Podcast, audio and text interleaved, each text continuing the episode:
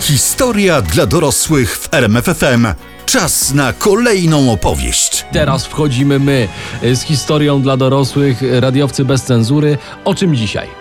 Dzisiaj spekulanci, badelarze i cinkciarze, czyli domowe sposoby na hiperinflację w PRL-u i nie tylko. Y, Inflacja i historia inflacji w Polsce. O tym dzisiaj Jacek Tomkowicz. I Przemysław Skowron, dzień dobry. Historia dla dorosłych w RMFFM. Zasady tutaj są proste. Goście, czyli my, opowiadają o historii dobrze i tanie. Mało tego, jak ktoś by się chciał zapisać na prywatne lekcje z historii, to co do stawki się dogadamy, myślę. Tak jest. Ale dzisiaj będzie o takiej historii na wyciągnięcie ręki zupełnie za darmo, bo dzisiaj będzie o PRL-u i o inflacji. No, tak, to rzeczywiście za dużo z historią nie ma wspólnego, bo i teraz jeśli by patrzeć na inflację, ile tam dobija licznik? 7-8%, niektórzy mówią, że pod koniec roku będzie 10. No, no i właśnie, no i niby dużo. Ale panie, kiedyś to były inflacje, teraz nie ma inflacji. Tak jest. Bardzo proszę sobie zapisać taki podtytuł dzisiejszego odcinka w waszych zeszytach do radiowców. Yy, yy, inflacja, ale będzie też o sposobach na inflację. To zacznijmy od tego, że zanim złoty tracił na wartości, to traciła na wartości marka polska. Dokładnie, czyli takie to było takie pra-euro tutaj u nas na ziemiach polskich. Dokładnie. Referendum nie zrobili, czy wprowadzać, czy nie wprowadzać yy, i marka polska była. Yy, W 1916 roku na polskich terenach ok- okupowanych przez Cesarstwo Niemieckie wprowadzono markę polską, taką walutę. Czyli Niemcy mieli taką markę niemiecką, yy, a nam wprowadzili markę polską. Dokładnie. To, no ja bym płacił, powiem wam, ale plułbym przez ramię, także. Jest to jak najbardziej postawa obywatelska, choć marka polska przetrwała jeszcze przez chwilę y, w wolnej Polsce już po I wojnie światowej. Pytanie tutaj yy, bardzo przytomne, czy były grosze? Nie, Nie. Jedna marka to było 100 fenigów. Strasznie germańsko to brzmi, prawda? Stra... Dobrze, że myśmy się dorobili złotego, powiem wam, dobrze. No ale właśnie, po I wojnie, wiadomo, zniszczenia, potrzeby państwa mm, ogromne, więc dodrukowywano te marki jeszcze wtedy na potęgę. Dokładnie, teraz robią to samo, tyle że w ładniejszych garniturach. prawda? I czym to się kończy? No, no, no. I...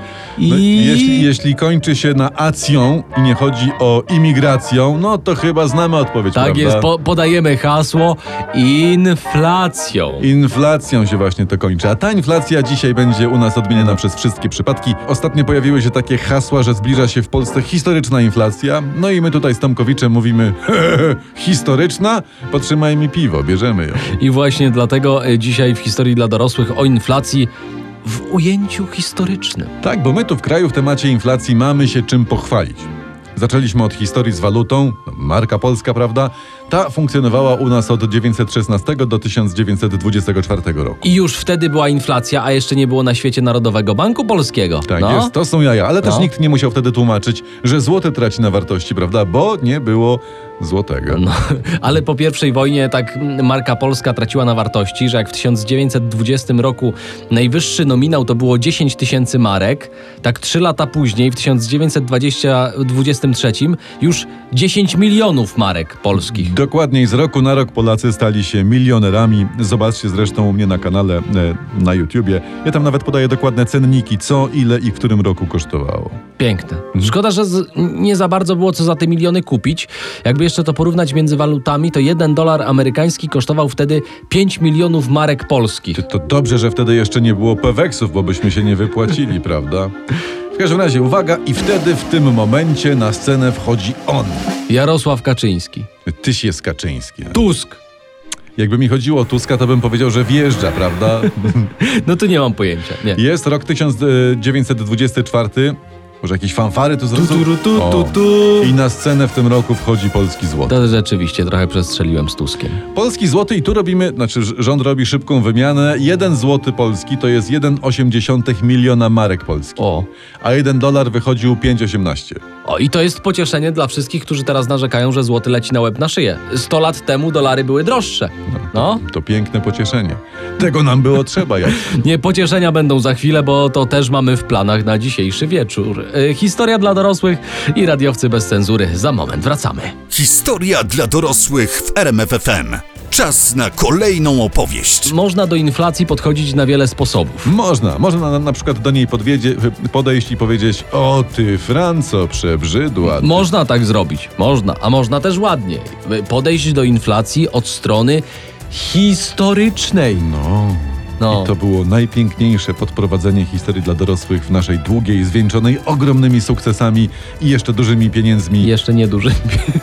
ogromnymi sukcesami i jeszcze niedużymi pieniędzmi kariery. Dziękuję. I my właśnie tą stroną historyczną inflacji się dzisiaj zajmujemy. Co już wiemy? Że na pocieszenie, już w dwudziestoleciu międzywojennym inflacja zapieprzała, no co najmniej tak jak Donald Tusk w zabudowanym. Dokładnie, ale pewnie są tacy słuchacze przy radiu, którzy dobrze pamiętają inflację w Polsce z początków lat 90. A jeśli nie pamiętacie, to idźcie do tatusia, mamusi albo nawet do rodziców obojga i zapytajcie, no to prawdopodobnie wam powiedzą. Ja mam tutaj przed sobą taką e, tabelę z inflacją w Polsce w XX wieku. I uwaga, rok 1989 inflacja wyniosła 251%. Dokładnie. To jak tamta inflacja by się spotkała z teraźniejszą inflacją, to by jej powiedziała, ty, tyś maleńka widziała inflację. D- d- Dokładnie. I właśnie tak bardzo często inflacje ze sobą rozmawiają. Ale to jeszcze nic, bo rok 1990 inflacja 585,8%. Dokładnie jak mi mama dała na lodę, to jak doszedłem do kiosku, to mogłem już sam wafel kupić, wiesz, albo p- półgały. Y, y, y, z polskiego na nasze tłumacząc, w roku 89 stać cię było na sześć bułek, Aha. A, a rok później za te same pieniądze na okruchy z jednej z nich tylko. Powinieneś być ekonomistą NBP. No może, no. Później trochę zwolniła ta inflacja, z naciskiem na trochę. 91 rok, 70% inflacja. 92, 43% i tak dalej. E, Poniżej 10 spadła dopiero w 99 roku. Ale są też tego plusy takie, że na początku lat 90. znowu byliśmy w Polsce milionerami. No, za wiele za te miliony nie, nie kupiłeś, ale fakt, w 94 y, przeciętne wynagrodzenie wynosiło 5,5 miliona złotych. W 94. Czyli tydzień robiłeś na milion. No. I komu to przeszkadzało? I przyszedł 1 stycznia 95 roku i ciach obcięto złotemu 4 zera. I wypłata znowu mieściła się w portfelu, a nie w taczkach. Y, Wnioski na teraz dwa. Pierwszy, y, bywało gorzej. O, to powinno być nasze motto życiowe. I drugi, nie ma takich sytuacji, w których byśmy sobie my Polacy nie poradzili. I to też proszę sobie zapisać, wydrukować i nosić przy sobie. Tak, jak sobie radzimy i radziliśmy w czasach hiperinflacji, o tym jeszcze dzisiaj opowiemy. Historia dla dorosłych w RMFFM. Teraz o prywaciarzach w PRL-u. Prywaciarz to była taka instytucja. To, to był ktoś, kim lud pracujący miast i wsi gardził i kim się brzydził, ale to też był ktoś, kim każdy chciał być. No to czemu każdy nie był? Tanio kupić, drogo sprzedać i już i normalnie i masz. Nie, nie, bo za PRL-u tak to nie działało, bo musiałeś wiedzieć, gdzie kupić, prawda? Musiałeś mieć zgodę czynników, musiałeś mieć pozwolenie, musiałeś mieć jakiś układ, jakiś układzik. Tak, z tym urzędem wódkę pić, z tamtym pić koniaczek, panów z tego urzędu y, wziąć na cichego wspólnika Ty, i... no, no mówisz, jakbyś No. tam był. Bo, bo właśnie, bo było dokładnie tak, jak mówisz. Bo mówię jak było, bo to jest w końcu historia dla dorosłych i to są radiowcy bez cenzury. Nie no, co racja, to racja. No. Inny to by powiedział milion słów, a przekaz nie byłby taki mocny jak No. twój, że ciach i masz. I No. tak było.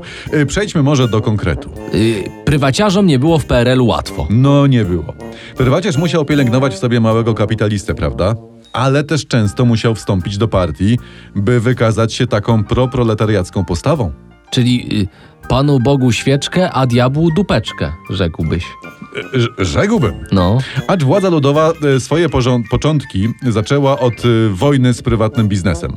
I uwaga, w styczniu 1946 roku wyszło takie prawo o nacjonalizacji firm i znacjonalizowano te, które zatrudniały więcej niż 50 pracowników.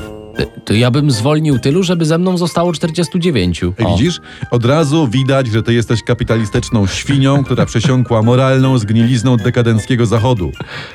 Na mocy tego nowego prawa w 1946 państwo przejęło 6 tysięcy firm. Mieli rozmach Stalin syny, no. Mieli, mieli. Zostawili tylko firmy robiące w budowlance. A dlaczego? No bo bez nich nie daliby rady odbudować Aha. kraju po niemieckich zniszczeniach i radzieckich kradzieżach. Tak? Zawsze tak jest. Niezależnie od systemu, wielkie gmachy państw wznosi się na barkach nas.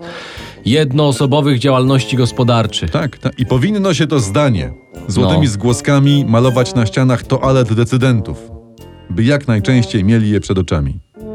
Ładny apel, kuźwa. Aż mnie ciarki przeszły. Znane wydarzenia w krzywym zwierciadle. Tylko w RMFFM. Gdy mówi się o finansach Polskiej Republiki Ludowej, jako o jej krwiobiegu, no to wspomniani spekulanci, badelarze i cinkciarze są białymi, czerwonymi i zielonymi krwinkami. Tak, oni, oni są taką monetarną hemoglobiną systemu. Zwalczaną przez No. ten system, tak, bo komuniści zwalczali prywatną działalność, bo ona ta działalność prywatna kłóciła się ze szlachetnymi założeniami marksizmu-leninizmu. Tak, po, podobnie jak kłóci się z nimi e, logika, rozsądek, fakty i doświadczenie. Dokładnie. W każdym razie, po likwidacji firm prywatnych PRL zaserwował prywaciarzom ustawę, uwaga, o zwalczaniu drożyzny i nadmiernych zysków w obrocie handlowym. Czyli y, my ci powiemy, co i za ile możesz kupować i sprzedawać z Dokładnie. polskiego na nasze. Dokładnie tak. A potem ustawa, cytat, o obywatelskich komisjach ilustratorach społecznych powołała do życia tak zwane biuro cen. I to ustalało ile i na czym można zarobić. I kto?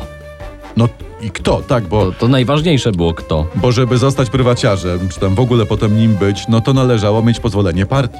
A wiadomo, jak to z pozwoleniami jest. Tak. Kto nie ma dostać, nie dostanie. Chyba, że coś da. Dokładnie. I tylko najtwardsi szli do prywaciarstwa w Polsce, bo na przykład jeżeli byłeś prywatnym przedsiębiorcą, to twoich dzieci nie przyjmowali na studia. Takie były czasy. Tak? Twarde. A twarde czasy wymagają od twardych ludzi czego?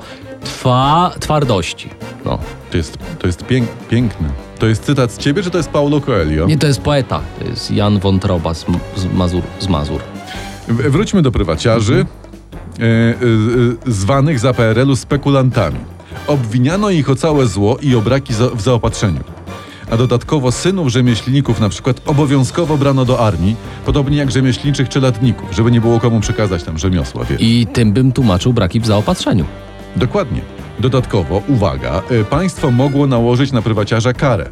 Taki ekstra podatek na podstawie widocznych, tutaj cytuję, zewnętrznych znamion bogactwa. E, czyli jak prywaciarz miał buty od Gucci'ego, a jego żona futro od Armaniego, to kara. Do, dokładnie, dokładnie. I dzięki temu komunistom udało się prawie dwukrotnie zmniejszyć na przykład liczbę sklepów w latach 47-49. Co drugi się zamknął, prywatny sklep. No a potem, głównie dzięki wysiłkom władzy, nie było gorzej. Czyli jednak sukces. Sukces. I, I w dostrzeganiu plusów e, szukajmy pocieszenia w tych znów niełatwych czasach. Historia dla dorosłych w RMFFM. Dzisiaj spekulanci, badalarze i cinkciarze teraz. Spekulant to wiadomo, prawda? Kto to jest? No, Badylarz to było, był za PRL-u ogrodnik, prawda? Najczęściej ma, mający szklarnię. niedawno rozmawiałem z koleżanką lat 33 i ona nie wiedziała, kto to był cinkciarz. Także 33, to, to jest rocznik 88. No to się nie załapała dziewczyna, bo to Tak. No. jest tak jakbyś 50-latka pytał, kim byli Hunwei Bini, prawda? No, a propos, kiedyś musimy o nich opowiedzieć w historii dla dorosłych, bo to jest bardzo mocny temat. To dobry materiał. Załatwione, opowiemy. Yy, teraz jednak cinkciarz. Otóż słowo cinkciarz, yy, młodzi notują, pochodzi od angielskiego change money, czyli wymieniać pieniądze. Z takim bardziej akcentem cięć money, cięć money, cięć Change, money. change money, no, no. No to cholernie długą drogę musiało to słowo przejść. Albo powstało w efekcie zabawy w głuchy telefon. Tak nie? jest, cięć many i cięć i tak dalej. E, Ale mówiono też cinksiarz, albo cynkciarz, albo mówiono czarnogiełdziarz, albo konik, albo uwaga, waluciarz. Bo, mówię do młodych, cinkciarz to był człowiek, który, który nielegalnie handlował walutą. Bo nie można było legalnie. No nie Do- można. Dokładnie, bo tylko państwo legalnie handlowało walutą. Zwykle według swojego własnego dziwnego kursu ustalanego odgórnie, nie mającego nic wspólnego z realiami. Młodzież powiedziałaby, kurs był brany z D. To jest, to jest, no, no tak sobie to ktoś wtedy w tej gospodarce centralnie planowanej wymyślił i tyle. Więc jak znam życie, nikt nic, żadnych walut poza państwowymi firmami nie kupował ani nie sprzedawał. No nie, bo przylatywał, dajmy na to, Amerykanin do nas, do Polski, Aha. prawda? I w banku mógł wymienić dolara na 2 złote. Aha. Ale u konika za tego samego dolara dostawał 25 zł, więc nie szedł do banku. Y, oczywiście, o ile udało mu się tego dolara do Polski wwieźć, nie, bo tam sprawdzali na granicy. PRL to nie był kraj dla słabych ludzi. A, a wczesny PRL był jeszcze gorszy, bo na początku lat 50. samo posiadanie walut było nielegalne, a za handel groziła nawet kara śmierci. To odważni byli ci cinkciarze. Tu medal bym za odwagę. Y, Po śmierci Stalina drakońskie przepisy zniesiono, ale ja pamiętam, że jeździłem z rodzicami pod Peweks w Rzeszowie na Lenina i tam stali lub tacy przechadzali się ludzie, tak se chodzili ga- i tata albo mama szli z nimi tam za róg albo do klatki obok w bloku i wracali z dolarami, żeby coś w tym Peweksie kupić. I to było dla mnie zupełnie normalne. Tak. No tak się robi, no. Przed, przed zakupami idziesz do pana kupić pieniądze. Tak, to jest tak. rzeczywiście, to jest bardzo normalne. Mhm. No ale też chyba dlatego państwo tolerowało cinkciarzy, bo oni po pierwsze dosta- dostarczali dewiz do krwiobiegu, prawda? A poza tym wiadomo, wielu z nich współpracowało z policją czy ze Zbecją, a nawet z kontrwywiadem. No cóż, no czasy były może i popieprzone, ale ludzie byli weseli. Tak? I chyba dlatego udało nam się cały ten PRL przetrwać, czego i innym życzymy. Omówiliśmy dziś tematy inflacji w PRL-u, cinkciarzy i prywaciarzy. I myślę, że wasza wiedza dziś jest większa niż była kiedyś. No, Na przykład wczoraj. na przykład. Albo Dobrze. dzisiaj rano, nie? O, no i właśnie tak to działa. E, Ale jeśli chcecie sobie jeszcze inne tematy powtórzyć z historii dla dorosłych w naszym wykonaniu, a i owszem, to to wszystko do odsłuchania na rmfon.pl. E, Tam czekają e, podcasty z historią dla dorosłych właśnie. Polecamy słuchać, bo robimy to dobrze i tanio. Rzekłbyś niedrogo. Wpadajcie też na naszego Instagrama, radiowcy bez cenzury. Jacek Tomkowicz. I przemysłowo dżinsowych oczach.